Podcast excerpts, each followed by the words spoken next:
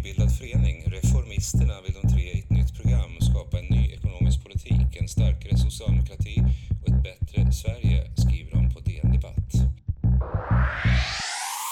Varmt eh, välkomna till det 27 avsnittet av Reformistpodden med mig Sara Karlsson och mig, Linn Svansbo. Det är eh, tisdag kväll när vi spelar in det här. Hur är läget med dig?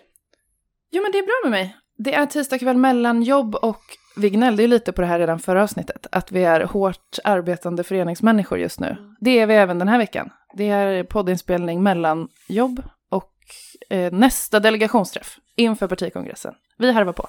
För min del är det mellan jobb och tyngdlyftning. Men det är Också, också, viktigt. också föreningsverksamhet. Det är det. Det är det. Hur mår du?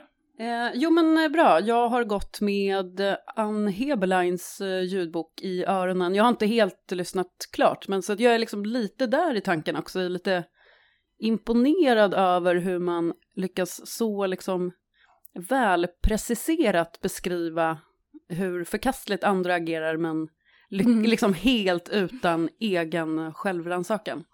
Eh, ja, Ja, där imponerad. är du. Ja. Mm. Jag såg henne idag Mhm. på Blev du starstruck? Absolut inte. Nej. Nej. Arg, Arg. kanske. Ja. Men vi ska ju snacka om något helt annat än Ann Heberlein. Nu. Gud ja. Mm. Tack och lov. Eh, tack och lov. Vi ska snacka på ett tema som man väl kan säga har varit lite ute ur samhällsdebatten under ett antal år. Alltså arbetsmarknadsfrågor. Mm. Det var ju nästan det enda som diskuterades under ganska många år. Arbetslösheten, eh, utanförskapet, arbetslinjen, Mm, allt det mm. här. Eh, som ju sen har försvunnit för att vi har pratat nästan bara migration, hårdare straff och senaste åren ju om coronapandemin. Mm. Men är det inte lite det som har fått fart på det igen då? Jo. Just corona, inte hårdare straff och tävling i antal fängelser och den linjen, men just coronapandemin. Mm, det tror jag. Eh, och jag tror att ju mer, liksom den, eh, ju mer vi kommer ut ur den krisen, desto mer fokus kommer det vara på ekonomi och arbetsmarknad. Ja, hoppas. Mm. Så vi har bjudit in en expert på det här. Och det är Stefan Kalén. Varmt välkommen till podden.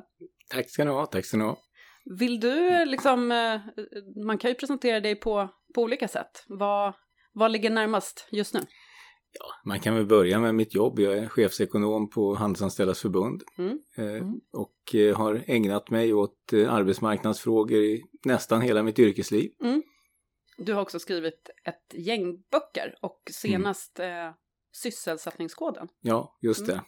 Om, om just eh, det stora problemet vi har med för hög arbetslöshet. Men eh, alltså, håller du med om liksom spaningen att det har varit eh, borta ur politikens liksom, centrum och på väg tillbaka? Jag håller absolut med om det och jag tror dessvärre också att eh, vi har sett en tillvänjning eh, i samhället. Eh, hade vi under 70 och 80-talet eh, kommit upp på en arbetslöshet upp mot 3% så var ju det den stora katastrofen. Alla insatser skulle sättas in för att eh, mo- mota den här arbetslösheten. Mm. Nu har vi i över 30 års tid levt med massarbetslöshet. Eh, Vi har inte, alltså under tre högkonjunkturer precis i toppen har vi nått ner mot 6% arbetslöshet. Och det är ju, alltså varenda procentenhets arbetslöshet växlar ut så oerhört mycket hårdare mot de allra mest utsatta i samhället och framförallt mot LO-grupper. Mm. Så att det är ett av våra stora problem. Och som ni nämnde här innan, många av de här problemen som man upplever då med kriminalitet och brottslighet, det, det vet vi, det, är, det har sin rot i den höga arbetslösheten Mm. och att människor slås ut långvarigt från arbetsmarknaden och blir permanent utslagna. Hur hög arbetslöshet har vi nu? Just nu så är det ju lite svårt eftersom AKU ser ut som det gör då, men vi, ungefär kring 8% ligger arbetslösheten om vi tittar på Arbetsförmedlingens siffror. Mm. Och eh, det rör sig om eh, eh, framförallt eh, en stor grupp, nästan hälften av dem är också långtidsarbetslösa, har oerhört svårt att, att komma tillbaka, står långt ifrån arbetsmarknaden. Och det här är ju ett resultat utav att vi har misslyckats med politiken under så väldigt lång tid. Vi har lyckats, misslyckats med den ekonomiska politiken och vi har misslyckats med eh, arbetsmarknads och utbildningspolitiken. Ett, ett nyliberalt haveri egentligen skulle jag vilja kalla det för. Men hur kommer det sig att vi ehm, är så eh, mer tåliga nu för hög... Alltså du nämnde det, i liksom Mm. 70-80-talet då hade vi bara släppt allt vi hade i händerna och, och haft politisk krisinsikt vid 3%. Mm. Och nu harvar vi på och pratar Mm. om andra saker trots att det ligger på. Liksom, vad beror det på förskjutningen i att vi accepterar det politiskt? Ja, det, det där är en sån här fråga som jag själv alltid har ställt mig. Jag är ju uppfödd i en annan tradition där det här är vad jag, det, där man sa att det är arbetarrörelsens allt annat överskuggande mål är den fulla sysselsättningen. Mm. Och när vi pratar om full sysselsättning så är det ju, det är, ska ju klart att arbetslösheten måste vara låg. Den ska i stort sett bara bestå av friktionsarbetslöshet, det vill säga människor som går mellan jobb eller från utbildning in till jobb under en kort tid. Men det är också viktigt att komma ihåg att vi, vi ska ha det här med att sysselsättningen måste vara hög och att den måste vara jämnt fördelad och att jobben som tillskapas ska, ska vara bra kvalitet. Vi kan ju inte tänka oss att ha ett samhälle där vi, vi låter människor få jobb som det inte går att försörja sig på så slår vi oss för bröstet för det. Och det här är inte det här är någonting som arbetarrörelsen alltid har tyckt varit ett av de allra viktigaste sakerna. Och det jag kan säga, känna lite kritik eh, mot hur det har hanterats under den här tiden, det är att vi har alltid pratat om det i högtidstal, det har varit det viktigaste och det ska vara det här. Men när man tittar på den konkreta politiken så har den ju faktiskt inte bitit. Nu har det ju också varit en, en lång period när vi har haft andra regeringar och sådana här saker får man ju också lov att säga. Men, eh, men det, det här är ju någonting, tittar man på det internationellt och i Sverige så är det just en, en konsekvens av att nyliberalt ekonomiskt tänkande har slagit igenom så oerhört starkt. Och eh, i detta så har det ju ingått det här med en stramare eh, finanspolitik och att det enda sättet att få ökad sysselsättning hos dem det är att man ska sänka löner, sänka skatter för de rikaste, försvaga fackföreningar, sänkt a-kassa och så vidare. Och Mm. nu har vi prövat det under en väldigt lång tid och det enda vi har sett av det det har ju faktiskt varit att människor har blivit fattigare, inte har de fått jobb på det. Nej, alltså man brukar ju prata om liksom två olika sidor här, efterfrågesidan och utbudssidan. Eh, och att det har varit väldigt mycket fokus då på att piska utbudet, alltså Mm. människorna som Mm. är arbetslösa, genom att eh, eh, liksom då sänka skatten för att det ska bli mer lönsamt att arbeta har ju varit argumentet. Mm. Eh, men också, ja, men som du är inne på, sänka, sänka a-kassa och sådana Mm. saker. Mm. Eh, men vad liksom, vad, vad borde man göra istället? Borde man inte alls jobba med utbudet och bara efterfrågesidan eller vad, vad ska man göra? Ja, alltså det, det finns ju två utbudspolitiska grenar om man säger så här och eh, arbetarrörelsens ekonomiska tänkande det har alltid grundats i att vi ska ha en hög efterfrågan för att se till att det tillskapas tillräckligt många jobb. Mm. Men den utbuds, eh, det utbudsdelen som vi pratar om, det är ju den positiva utbudsdelen, det vill säga det är utbildningsinsatser, det är arbetsmarknadspolitiska insatser, det är för, eh, förebyggande arbetsmiljö för att undvika att människor blir utslagna, det är att man har en hög a-kassa för att människor inte ska tvingas ta första bästa skitjobb utan att man ska, faktiskt ska ta det jobb som matchar bäst och så vidare. Allt det där är ju utbudspolitik, fast ur arbetarrörelsens synvinkel. Men, men när man pratar utbudspolitik idag, då förknippas ju den enbart med det du har varit inne på. Ja, vi ska öka drivkrafterna till arbete genom att sänka skatter och vi ska sänka a-kassan och vi ska sänka, ja det var ju till och med så att man eh, in, trodde att när man sänkte skatter så skulle människor bli, helt plötsligt bli friska och vilja börja jobba fast de var sjuka. Det var, fanns så mycket sådana här idéer. Och de här idéerna är ju hämtade inte bara från nyliberala tankegångar utan även från rent konservativa tankegångar. Att eh, mä- människor i grunden är lata och bekväma av sig. Så att eh, om vi inte nu gör livet för jävligt för dem så kommer de att sitta hemma och, och inte göra någonting. Och det där som, har man socialistiska grundvärderingar så är det ju så konstigt att se. Jag tror aldrig det har funnits en tid när det har varit inte varit lönsamt att arbeta och när de flesta människor ändå tycker att man arbete ger en, en, en, en möjlighet till eh, betydligt bättre eh, alltså social interaktion och allt det. Det här finns ju så mycket forskat om det här så att eh, man borde egentligen kunna kasta alla hyllmeter på de här nyliberalerna och konservativa som tror på ett annat samhälle. Men eh, alltså de här idéerna var ju som starkast, liksom, om man tänker i den politiska debatten i Mm. Sverige så var de som allra starkast under Reinfeldt-åren. Alltså där man verkligen pratade om det här, man hamrade in arbetslinjen, ska löna sig arbete och sådär. Eh, nu, nu börjar man ju prata lite mer om Mm. det igen, men det har ändå varit ganska frånvarande under senare år. Men är det liksom för att de tankarna har liksom tappat mark, eller är de bara så etablerade så att, man, så att inte ens högern behöver påminna om dem? Det, det, det är en väldigt bra fråga kan jag säga. Eh, å ena sidan har de ju internationellt, bland ekonomer tappat mark. Eh, det, det, mycket av den här nyliberala eh, tankegångarna har ju mer eller mindre försvunnit från den internationella ekonomscenen. Om man läser OECDs rapporter, det kan ju inte sägas vara dolda vänstermänniskor precis, eller IMF. Heller. Nej, nej. nej men alltså då, då, det pekar de ju just, just på det, det vi har pekat på väldigt länge, att det finns ett behov av att eh, driva en mer eh, expansiv finanspolitik över hela världen, att jämlikhet är bra för tillväxten och att det är så att eh, höga skatter, bra välfärdsambitioner, starka fackföreningar inte alls är något hinder för att kunna nå full sysselsättning. Det är ju, för oss är det så självklart, men när det kommer från tidigare mer nyliberala institutioner, då, då ser man att det har skett ett skifte där. Mm. Och där, där tror jag väl att det spelar roll, men, men sen är det ju den stora frågan, när det går ifrån det ekonomiska tänkandet till att bli den praktiska politiken, då har du en hel kader av ekonomer som är utbildade i ett helt annat sätt att tänka och de finns eh, överallt. De finns på Finansdepartementet, de finns i Konjunkturinstitutet, de finns på, på olika ställen. Och, och politiken tar lite längre tid att förändra. Jag ser ju en massa hoppfulla tendenser nu eh, eh, efter eh, 30 år av mörker nästan skulle jag vilja säga. Eh, men jag, skulle också vilja, säga att det nyliberala tankegodset influerade även politiken under 90-talet och början av 2000-talet, det vill säga innan Reinfeldt kom.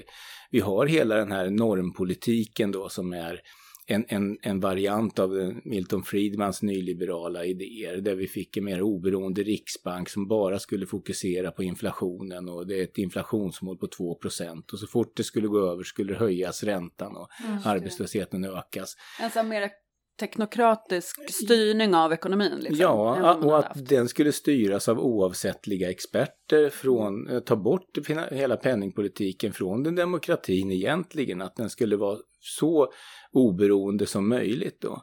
Och samma sak med finanspolitiken. Där menade man ju på att eh, de som satt i riksdagen, det var slarvers som bara ökade ut utgifterna. Ni kommer ihåg Lindbeckkommissionen och alltihopa det där.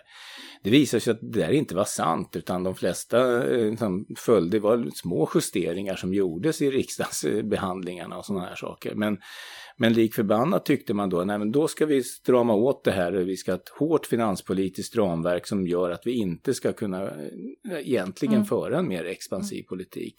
Och det här är precis vad nyliberalerna ville. De ville ju då ta bort den makten ifrån finanspolitiken eh, under 90-talet och, och framåt och peka på då att eh, behovet då i sådana fall skulle vara att vi, vi är tvungna att sänka skatter och sänka välfärdsambitionerna för att vi ska få mer hungriga vargar som då jagar de här jobben då som de antog skulle tillkomma men som egentligen inte har tillkommit. Mm. Och också i kombination, tänker jag, med politiska idéer om att, för du, sa, du nämnde det att det är dels full sysselsättning, men Mm. också, alltså från arbetarrörelsens håll bör det vara full sysselsättning, men också inte vilka jobb som helst, utan Nej. jobb som folk trivs med och kan leva på och inte, och vill stanna i och sådär. Mm. Och det, jag tänker att de politiska krafterna som har liksom Mm. bara tänkt om folk bara blir fattiga så Mm. börjar de jobba, eller om de bara blir fattiga Mm. så blir de friska, Mm. är ju ofta allierade med politiska krafter som också Mm. Ja men det är så packa påsar jobb, liksom. Eller den... Ja, det, det, det är den typen utav, av jobb som vi egentligen har eh, försökt rationalisera bort i Sverige. Vi vill ju inte Ja. ha den typen utav låg, lågkvalitativa jobb som, som faktiskt är jättesvåra att försörja sig på. Och det här är ju varit en, en, en, en en så här tillväxt och utvecklingsfilosofi, sen ren Meidner-modellen som vi har haft eh, som en, en sorts bas för, för arbetarrörelsens ekonomiska tänkande. Mm. Att företag som inte klarar av att betala goda löner och bra villkor, de ska slås ut från arbetsmarknaden. Det är liksom mm. det som är själva mm. poängen med, mm. med, med eh, den politik vi vill föra. Mm. Men vad är de här, du nämnde positiva tendenser, eller att du ändå mm. tycker att det känns liksom hoppfullare nu än vad det har gjort de senaste 30 åren i vart vi befinner oss i politisk diskussion och sådär. Mm. Vad är det, vilka tendenser är det, eller hur kommer det sig att det känns bättre nu?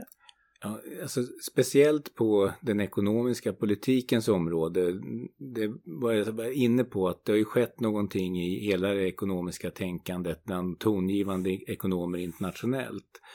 Och det kan ju urholka stenen eh, en del då. Men sen har det också varit så att den här coronapandemin förde ju det goda med sig att eh, det blev en liten mental islossning eh, för många regeringar och även för den svenska regeringen att nej men nu är det en kris och nu ska vi eh, eh, satsa mycket och man, man gjorde ju det eh, väldigt tydligt. Och nu har vi fått lite resultat av det där. Eh, vi har ju ändå blåst på ganska mycket med expansiv finanspolitik. Och det ledde till att eh, statsskulden ökade från 35 till 39 procent. Det är ju ingenting egentligen.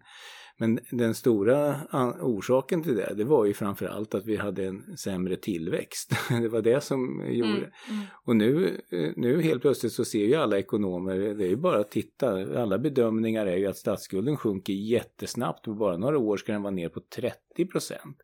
Då, då märker jag så här att till och med de mest så här, eh, de som är, har varit mest för den här strama finanspolitiken i debatten börjar säga ja men vänta nu det här är ju inte hållbart. Varför ska vi hålla på och lägga en massa pengar på hög när vi har så enormt stora behov i samhället och mm. behov av stora investeringar, stora välfärdssatsningar och inte minst på att göra någonting åt massarbetslösheten.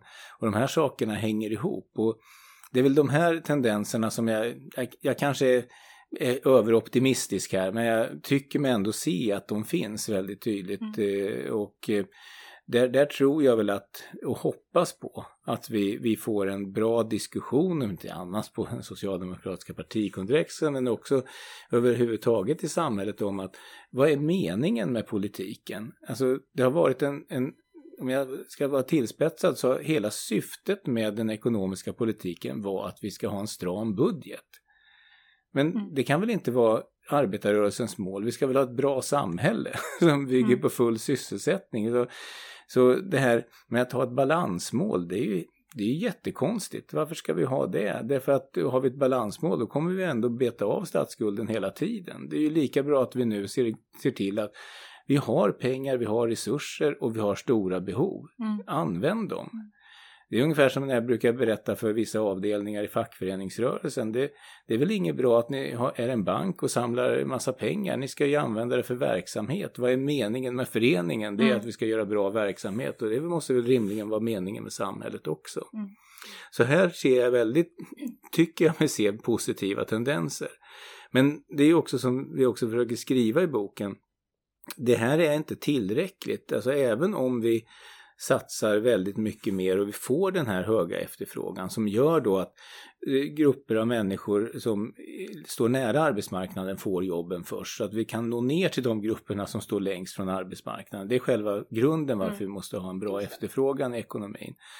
Men vi behöver också satsa oerhört mycket mera på att se till att eh, eftersom vi vet att den här gruppen som står längst från arbetsmarknaden, det är enorma brister i utbildningen, väldiga stora brister i arbetsmarknadspolitiken och även inom arbetslivspolitiken, människor slås ut. Så är det ju där vi måste också sätta in alla våra klutar just nu med ett batteri med åtgärder som måste till. Är det bidrags, bidragstak?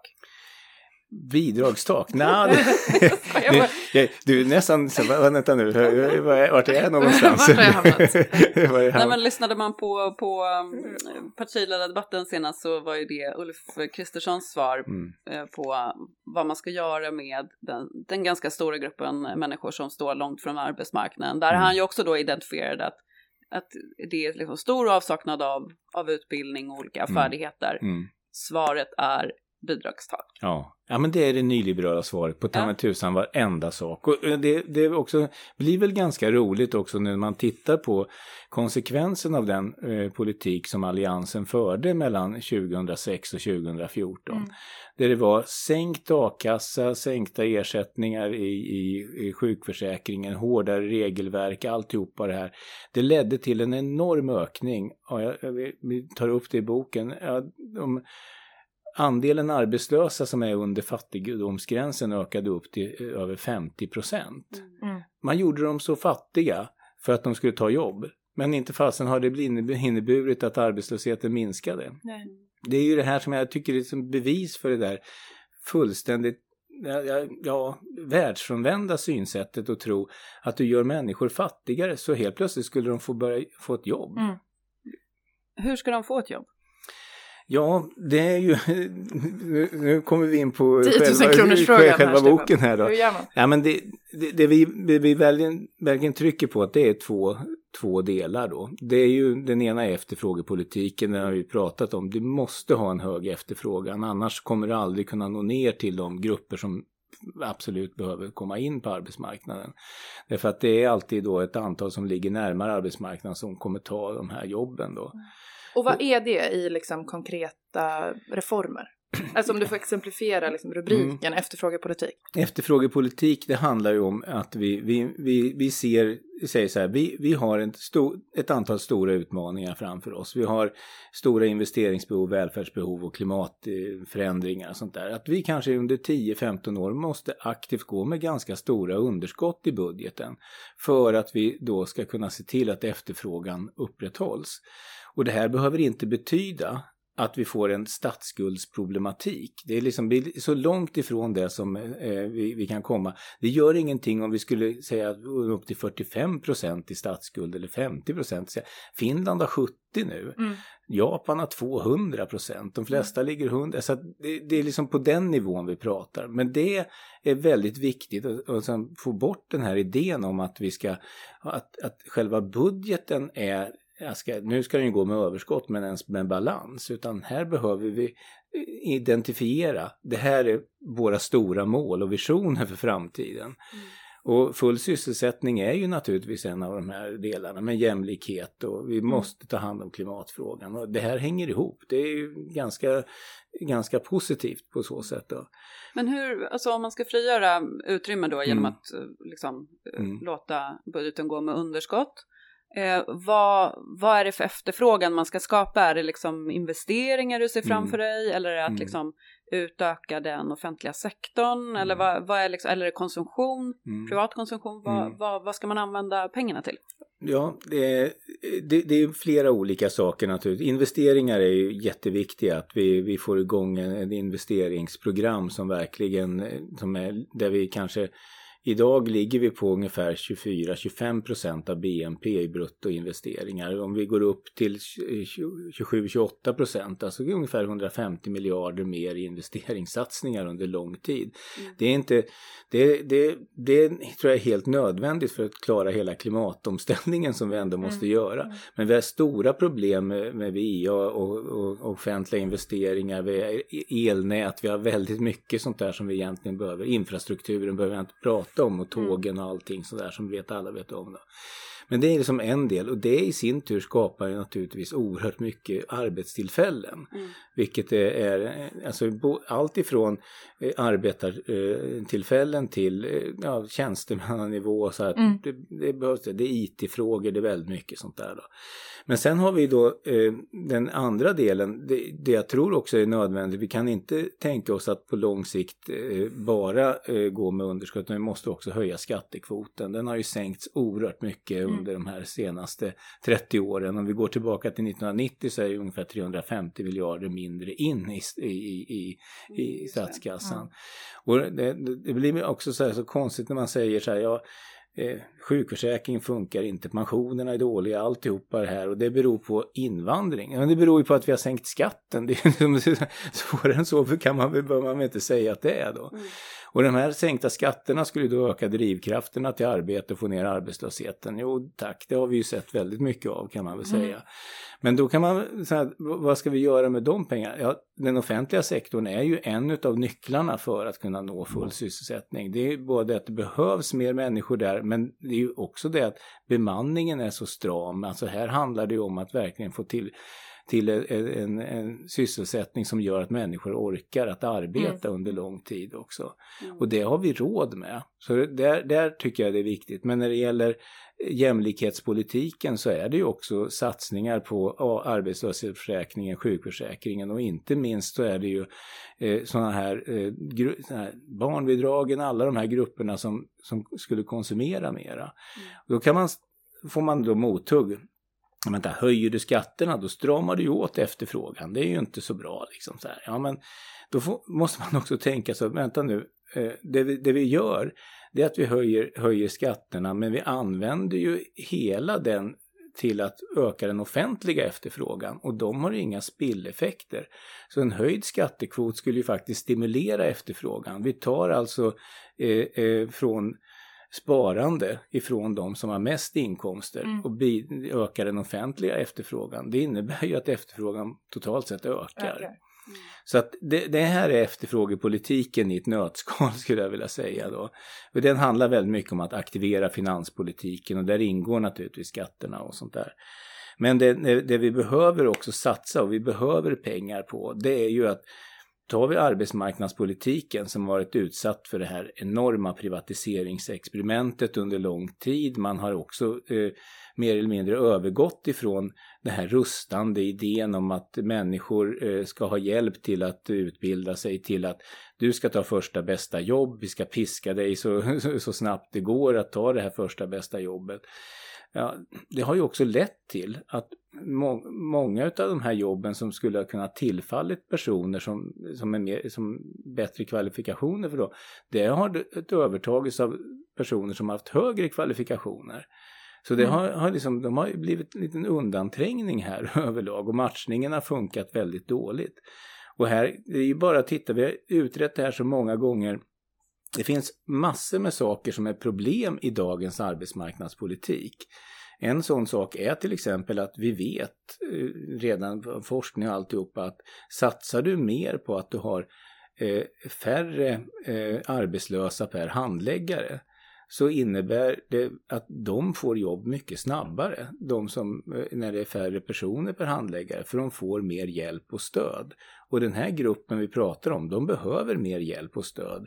Och det handlar inte bara om en åtgärd, det handlar oftast om en kedja av insatser där man kombinerar utbildningsinsatser med sysselsättningsinsatser. Och där måste vi också ha pengar. Och det vi också kan se i arbetsmarknadspolitiken, det är ju det att idag är det ju så att det är lite vilda västern på vissa håll.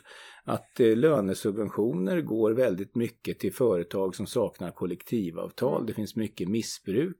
Vi har också privata matchningsaktörer som hellre låter personer vara kvar en längre tid för de får tjäna mer pengar på det och sådana här saker. Det, jag behöver inte nämna alla misstag som har gjorts. Eh, ni kommer ihåg fas 3 och de här det, sakerna. Och det, det, finns. det finns så mycket. finns att ösa ut. Ja, eller eh, de här eh, lotsarna då som eh, rekryterade till IS och alla de här, ja. här nyliberala experimenten har ju misslyckats. Så... Verkligen, men nu, alltså, om jag inte har drömt det här, mm. för att det låter ju som en, eh, verkligen en dystopi, men, men jag tror att alltså, man förbereder ju nya privatiseringar mm. av Arbetsförmedlingen och mm. att det att det går åtminstone under arbetsnamnet kundval, rusta och matcha. Mm. Eller, eller alltså det, det, känns ju som en fars, så jag mm. kan ha hittat på det, men jag, jag tror faktiskt att Nej, det är på riktigt inte. att det heter så. Tyvärr är det så att verkligheten överträffar dikten ja. här, får jag säga. Det är ju Centerpartiet som har drivit igenom den här eh, enorma privatiseringen mm. av massor med tjänster på Arbetsförmedlingen.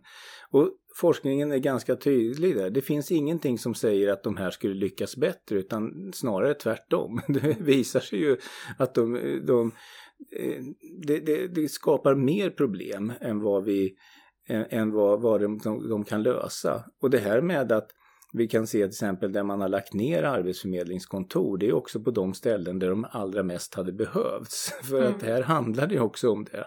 Så att eh, det, det, det, finns massor att göra på arbetsmarknadspolitikens område. Jag, kan ju bara nämna det att eh, vi satsade alltså betydligt mer per arbetslös under den fulla sysselsättningens mm. tid än vad vi gör nu mm. när vi har massarbetslöshet. Mm.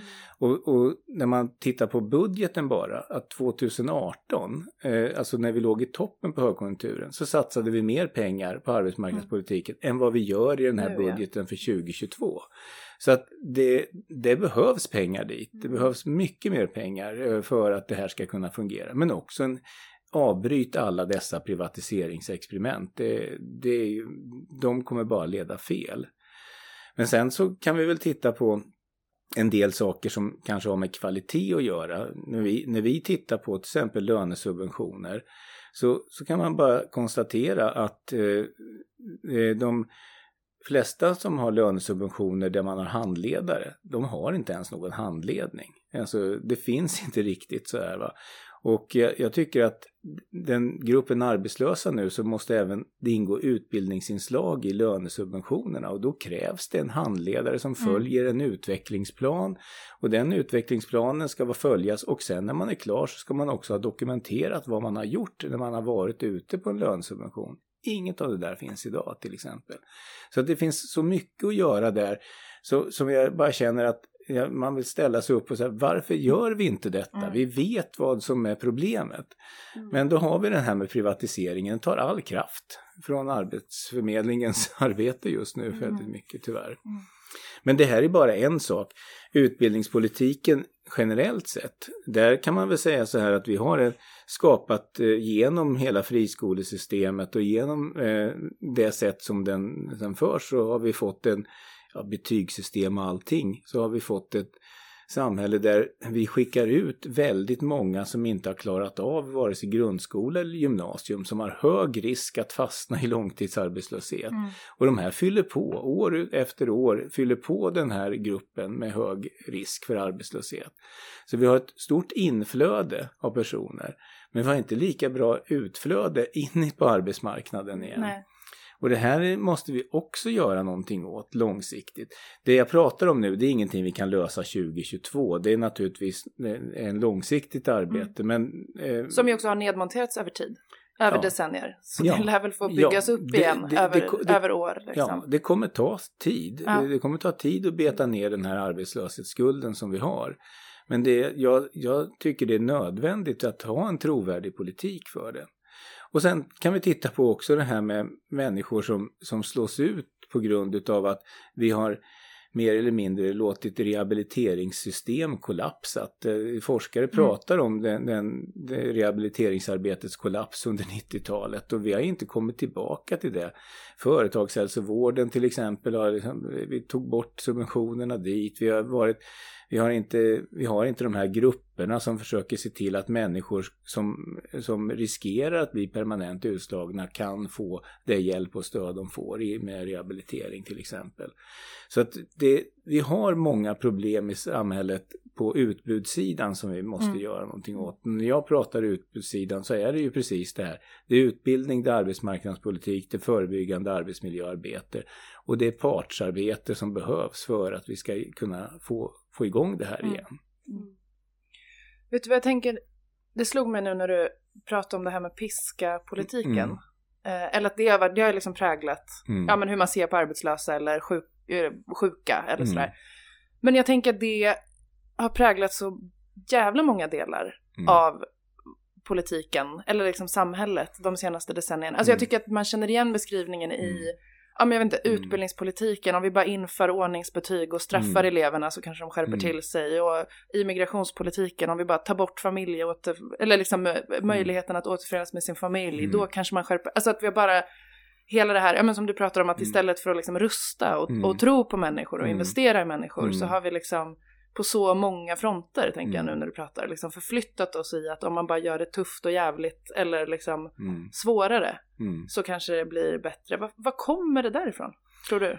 Ja, det... För det är ju sen, det är sen innan Reinfeldt, ja, eller ja, är det det? Ja, ja. Jo, det, det, men det, det där är ju ett ett skifte i synen på hela om jag socialpolitiken som ett stort område ja. så är det ett skifte bort ifrån samhällets ansvar till individens ansvar. Det här är någonting som många påtalat, alltså har skett i många länder men i Sverige finns det ju väldigt tydligt i arbetsmarknadspolitiken är det jättetydligt ja. till exempel att nu istället för, för att en gång i tiden var ju arbetslinjen sådan, alltså den, den, den riktiga. gamla riktiga arbetslinjen ja. sådan att man övergick ju ifrån det här med kontroll och disciplinering till att eh, faktiskt titta på individers hjälp till självhjälp till att faktiskt gå så långt att säga, eh, till samhällets och statens ansvar att se till att det ska finnas tillräckligt med jobb och om man inte kan ta de jobben så har staten och samhället ansvar att utbilda människor till det jobbet. Ja.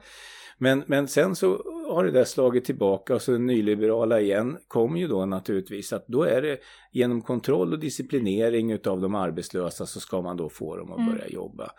Och, men även eleverna, migranterna, ja, om det, liksom undersköterskorna börjar springa lite snabbare och ja, räkna några fler pinnar i, liksom, ja. i public. Alltså jag tycker att det är Hela, hela den här många, I många delar liksom. Helt riktigt och hela den här är ju också en, en förändring ifrån, alltså från, egentligen från 70-talet i de flesta länder men i, även i Sverige att vi fick ju hela den här, alltså som vi, vi beskriver som den finanskapitalistiska förändringen av kapitalismen där man eh, gick ifrån att eh, se långsiktiga investeringar till ett mer kortsiktigt eh, aktieägarintresse där man mer, mer eller mindre, ja, jag tror Göran Jonsson använde begreppet kvartalskapitalism till exempel, att det, mm. det är genom att hela tiden tillfredsställa aktieägarnas intressen så var det att man genom att skära ner, slimma bemanning, offshoring och alla de här sakerna så skulle man då öka vinsterna.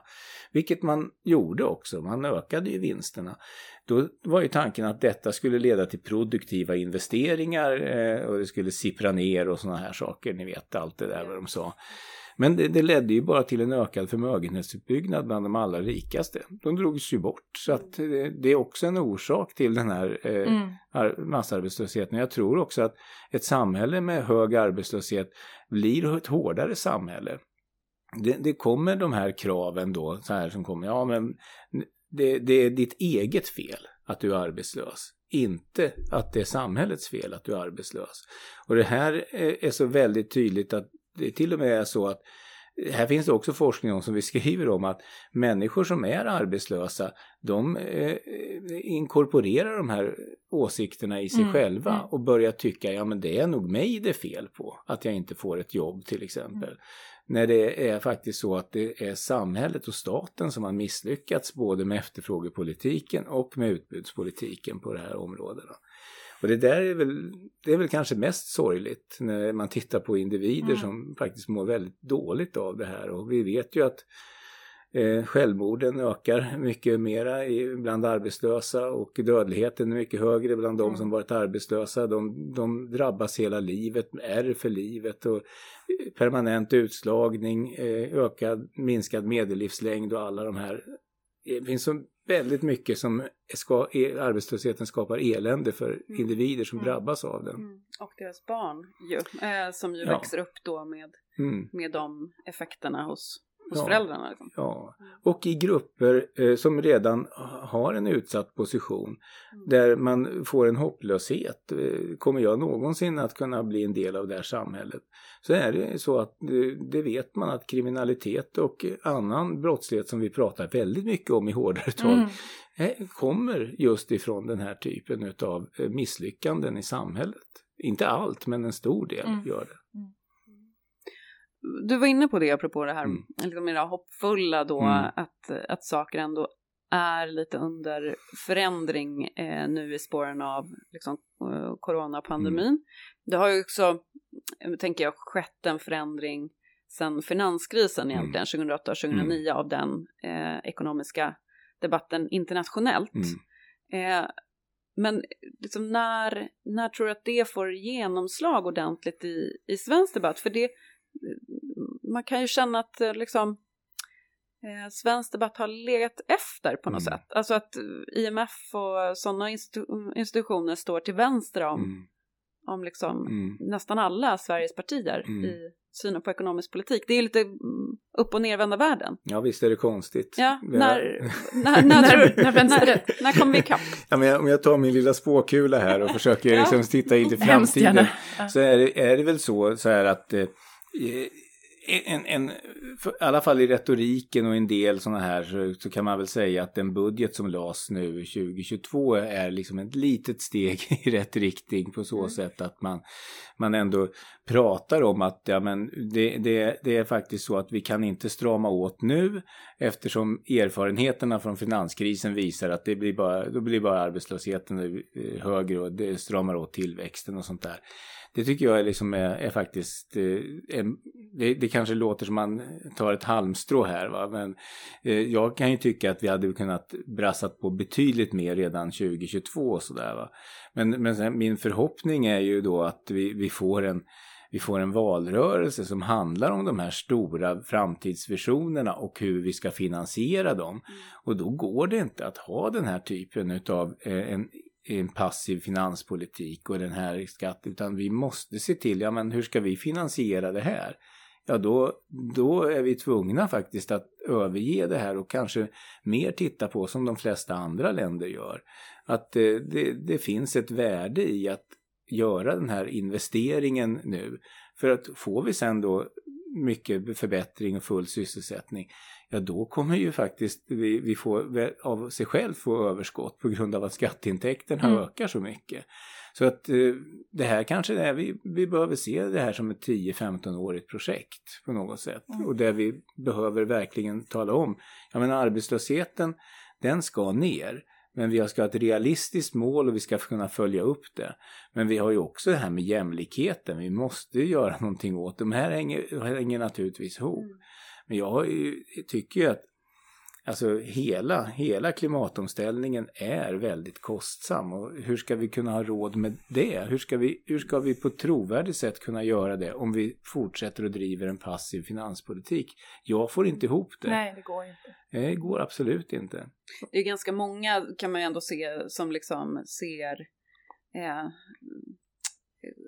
alltså som jämför coronakrisen med klimatkriserna Mm. så här, på samma sätt som man har undantagit Mm. liksom, eh, insatser som man har gjort under coronakrisen Mm. från olika finanspolitiska regelverk så bör man också se på, på klimatkrisen. Så Mm. där, alltså jag tänker dels eh, i, i svensk debatt men också vi har ju följt lite tysk valrörelse och liksom diskussionen inom EU och Mm. sådär.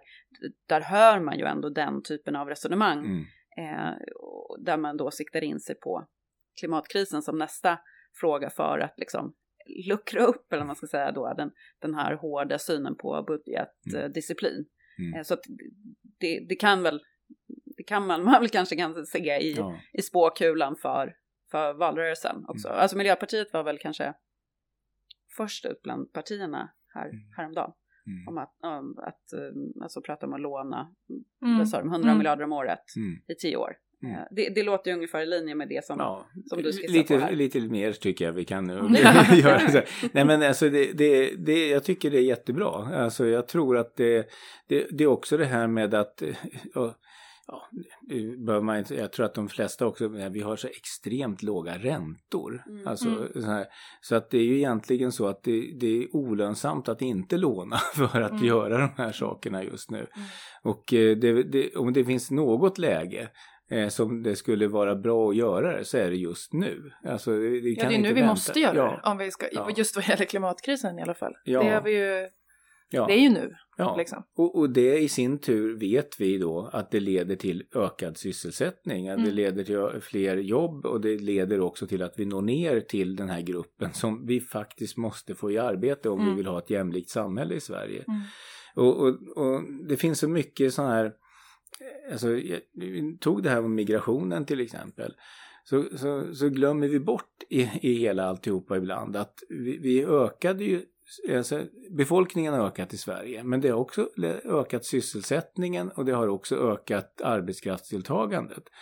Då ser man på de som, som eh, de jobb som tillkom mellan 2005 och eh, fram till 2019, 2018 så här så, så var det nästan 80 procent av de jobben som gick till personer som var utrikes födda. Mm. Så utan den migrationen hade vi inte kunnat tillsätta den, de, de arbetena. Mm. Det glömmer vi oftast bort. Sen finns det då inom just den eh, utrikesfödda gruppen personer som har svårare. Och det är vårt förbannade ansvar att se till att de får möjlighet att komma in på arbetsmarknaden. Mm. Och det hänger oftast ihop med kort utbildning och det hänger oftast ihop med att man behöver en tid att anpassa sig för att eh, komma in på arbetsmarknaden i Sverige. Mm. Och inte minst handlar det om att klara av gymnasiet. För har man inte klarat av gymnasiet är man enormt stora svårigheter att få ett jobb idag i Sverige. Mm. Något som spökar lite i den här diskussionen mm. tycker jag är att olika begrepp inte alltid lirar. Mm. Till exempel sysselsättning och arbetslöshet. Mm. mm. Kan du inte bara förklara grundkursen i hur man ska förstå ja, hela diskussionen om arbetsmarknaden? Ja, jo, nej men eh, sysselsättningen är ju, är ju då eh, andelen av eh, befolkningen inom en viss åldersgrupp som är, är eh, har ett jobb. Eh, och då, då är det, definitionen är att man ska ha jobbat minst en timme under mätveckan.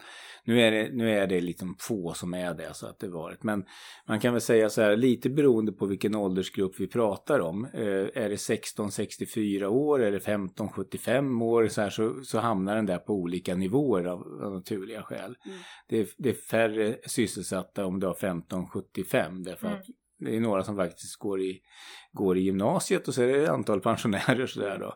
Men, men på den tiden vi hade full sysselsättning runt eh, 1990 då, då, då var ju eh, över 83 procent sysselsatta i 16-64 års åldern. Idag är det ju 78-79 procent så att det är ju en betydligt lägre sysselsättning vi har idag. Mm.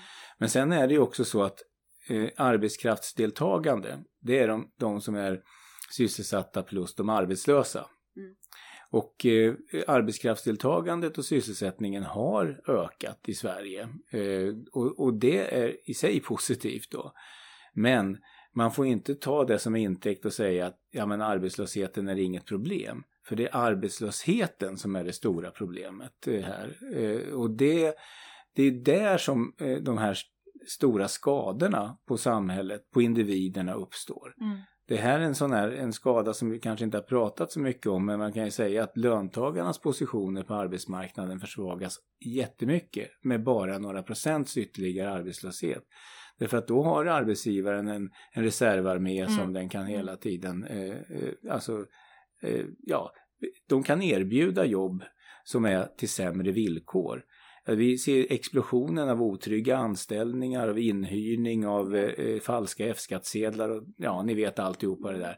Det hade inte funnits om vi hade haft full sysselsättning för då hade man, nej men då tänker vi inte ta det här jobbet. För då hade man, då, jag minns ju själv, jag jobbade ju i, på lagersidan i slutet av 80-talet eh, och, och, skulle någon säga till mig så här att nej men du får en, en, en en visstidsanställning och du, du kan bli inringd lite då och då. Mm. Så här, skulle man, det kan du fetglömma, då går man ju på något mm. annat ställe naturligtvis.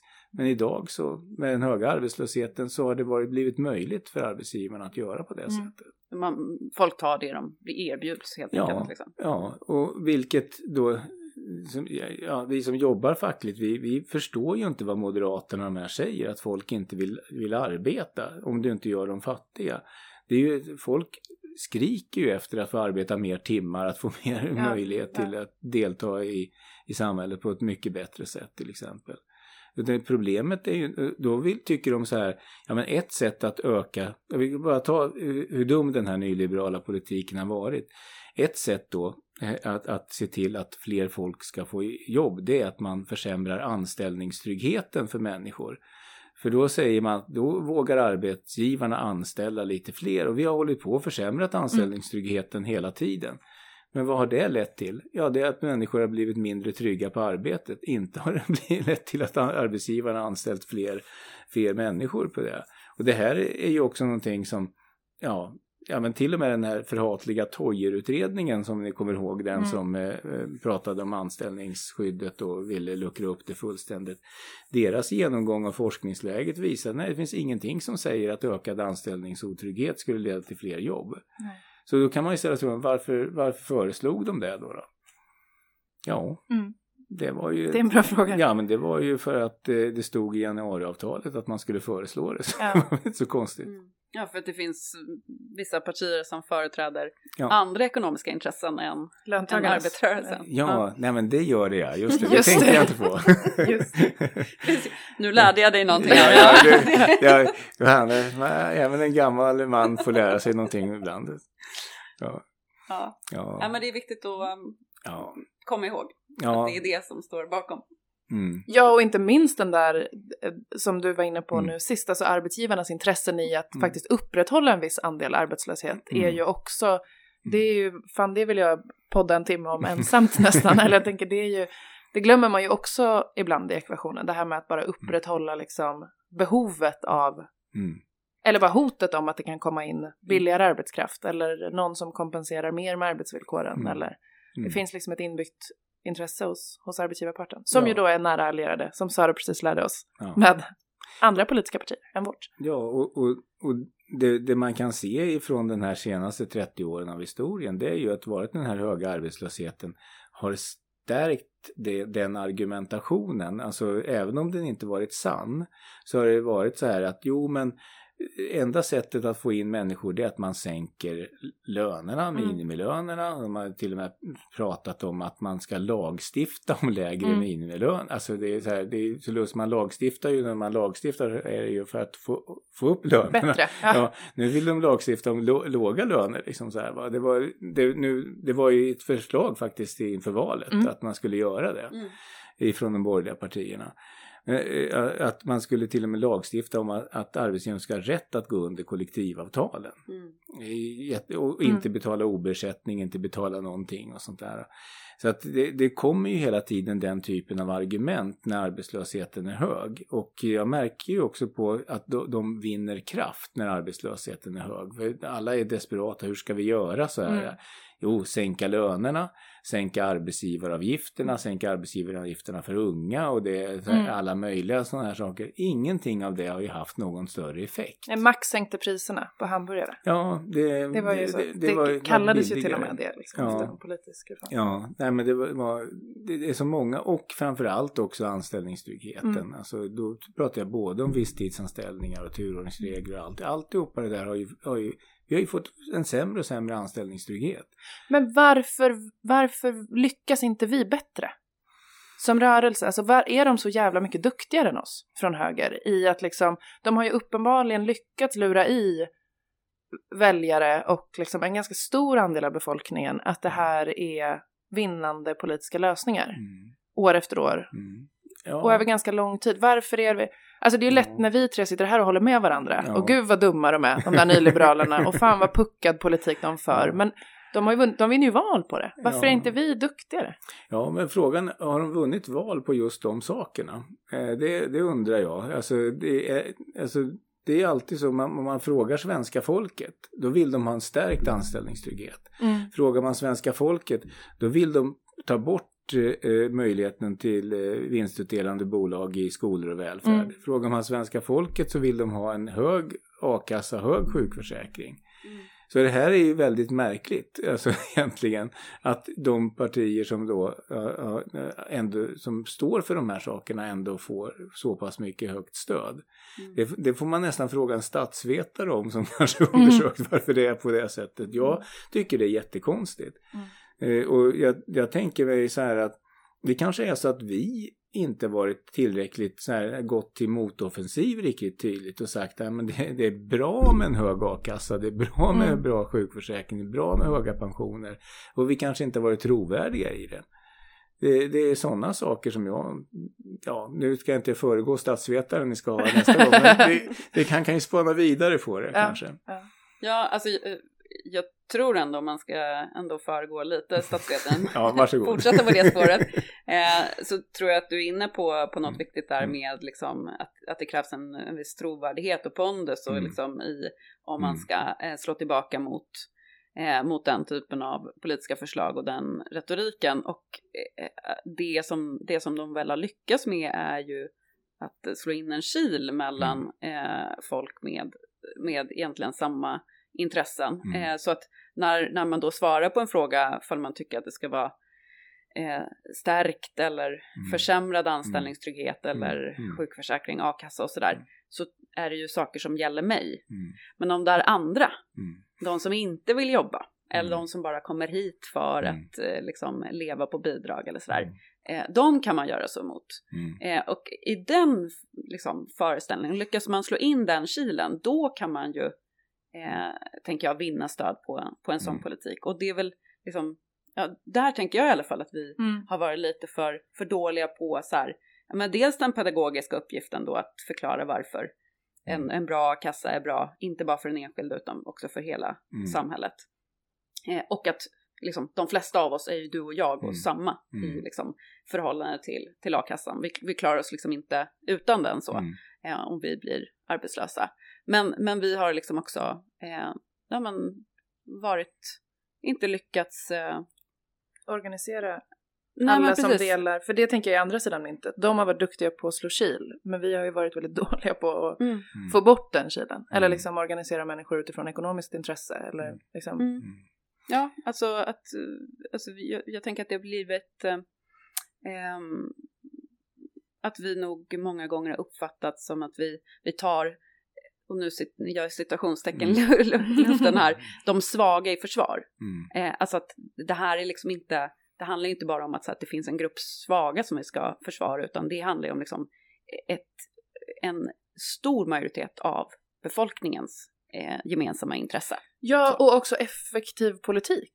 Typ. Mm. Ja, Det är ju också så här... äh, apropå det, efterfrågan. Ja, exakt. Det, Ja. det smarta sättet att, att göra. Liksom. Det är inte Mm. bara för att vi är snälla mot några få som inte kan Nej. jobba eller liksom aldrig blir friska. Eller det är också... Så vi behöver ingen statsvetare.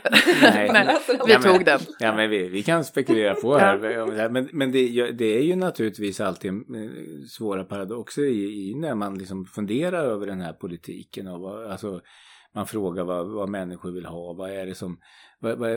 Då ligger det ju oftast ganska nära det som är vår ideologiska grundsyn. Eh, Det är, ju- man, man vill ha ett jämlikt samhälle. Det är, det är väldigt få som säger att nej men jag tycker att jag vill ha ett ojämlikt samhälle. Jag tycker det så. Och, och vi, vet vad som skapar ett jämlikt samhälle. Ja, det är inte den politiken som eh, borgarna vill föra till exempel. Det, det leder ju... Ta till exempel, jag, jag kan ibland så här eh, bli, bli så här... Eh, man, man tar Centern och de här som argumenterar för att eh, eh, det, vi ska, genom att få ner arbetslösheten så får vi ett jämlikt samhälle. Ja, eh, det finns mycket som stämmer det. Om jobben som tillskapas går att försörja Mm. sig på. Om det är bra jobb. Det är också OECD, herregud, vi, vem trodde att man skulle sitta och citera OECD så här? Liksom så här va? Nej, var, nej, men de har ju visat att eh, när sysselsättningsökningen kommer på osäkra visstidsanställningar. Så även om fler får jobb så ökar ojämlikheten. Därför att de här eh, eh, osäkra anställningarna sprider sig även till de som annars hade fått mer säkrare anställningar. Och det är ju väldigt tydligt i många av deras rapporter. Det är därför de också är inne på OECD väldigt mycket att en av de viktigaste sakerna för att motverka ojämlikhet det handlar inte att, i första hand att öka sysselsättningen men det är hur man ökar sysselsättningen. Och vi har ju ett avsnitt där bland annat försöker titta på det. Ett land som då har lyckats öka sysselsättningen är ju till exempel Tyskland då. Men då har det ju varit på, till följd av väldigt mycket av de här minijobben och Mm, midijobben. Och de kan du inte försörja dig på. Och de har i sin tur spritt sig inom servicesektorn så det har blivit mer Mm. ojämlikt. Det är också det som är fascinerande. Så att Annie Lööf har liksom, måste förklara så här, hur kan det, hur- även om eh, hur kan det leda till ett mer jämlikt samhälle om sysselsättningen skapas genom otrygga jobb? Det, det, det blir inte mer jämlikt på det sättet. Eh, och, och, och därför är det så viktigt att säga så här, vi, vi vill ju ha ett fullt sysselsättningssamhälle, att den här fjärde benet som jag pratade om, att jobben som tillkommer måste vara bra jobb som till hög kvalitet, till kollektivavtalade löner, till det här som, som vi menar med bra jobb. Det går inte att tänka sig att man ska kunna leva på 5 000 kronor i månaden för en heltidsanställning till exempel. Det går inte. Men eh, vissa, vissa länder tycker att det är helt okej. Mm. Fan, man taggar ju nästan igång på valrörelse här. Mm. Och på kongressdelegationsmöte som jag ska på snart. Ja. Ja. Men det kanske... Prata om full sysselsättning tror jag. Att Mm. jag ska göra lite. Mm. Mm. Eh, det börjar nog bli dags att avrunda. Ja, Eh, jag, jag hade egentligen någon slags tanke på att man så här, skulle avsluta med att be dig, Stefan, eh, liksom så här, droppa några önskereformer eller så här, sammanfatta lite. Eh, men jag tror nästan att det är eh, liksom en... eh, Då är det en timme till skulle jag vilja säga. men vi har ju pratat om jättemånga Ja. önske, Precis. önskereformer. Vi har ju fått det. Jag tror inte att det, jag tror inte det behövs. Jag tror att jag har i alla fall fått en tydlig bild av så här, ja, vad som är, vad är problemet, vad borde vi göra istället? Ja, Mm. Vad, vad, vad ska vi liksom tagga igång valrörelsen med? oh ja. Jag blev också taggad på valrörelsen. Mm. Ja. Och gött med fler eh, kloka arbetarrörelseröster som tycker att vi behöver en mer expansiv ekonomisk politik. Mm. Vi råkar ju vara engagerade i en förening som delar den Mm. politiska inriktningen. Mm. Mm. Och jag har hållit på med det här sedan 1990 så att jag känner mig äntligen några som Du har fått fler kamrater. delar min Nu är vi här, Stefan. Tusen tack för att du kom till Reformistpodden. ja, tack ska ni ha. Tack.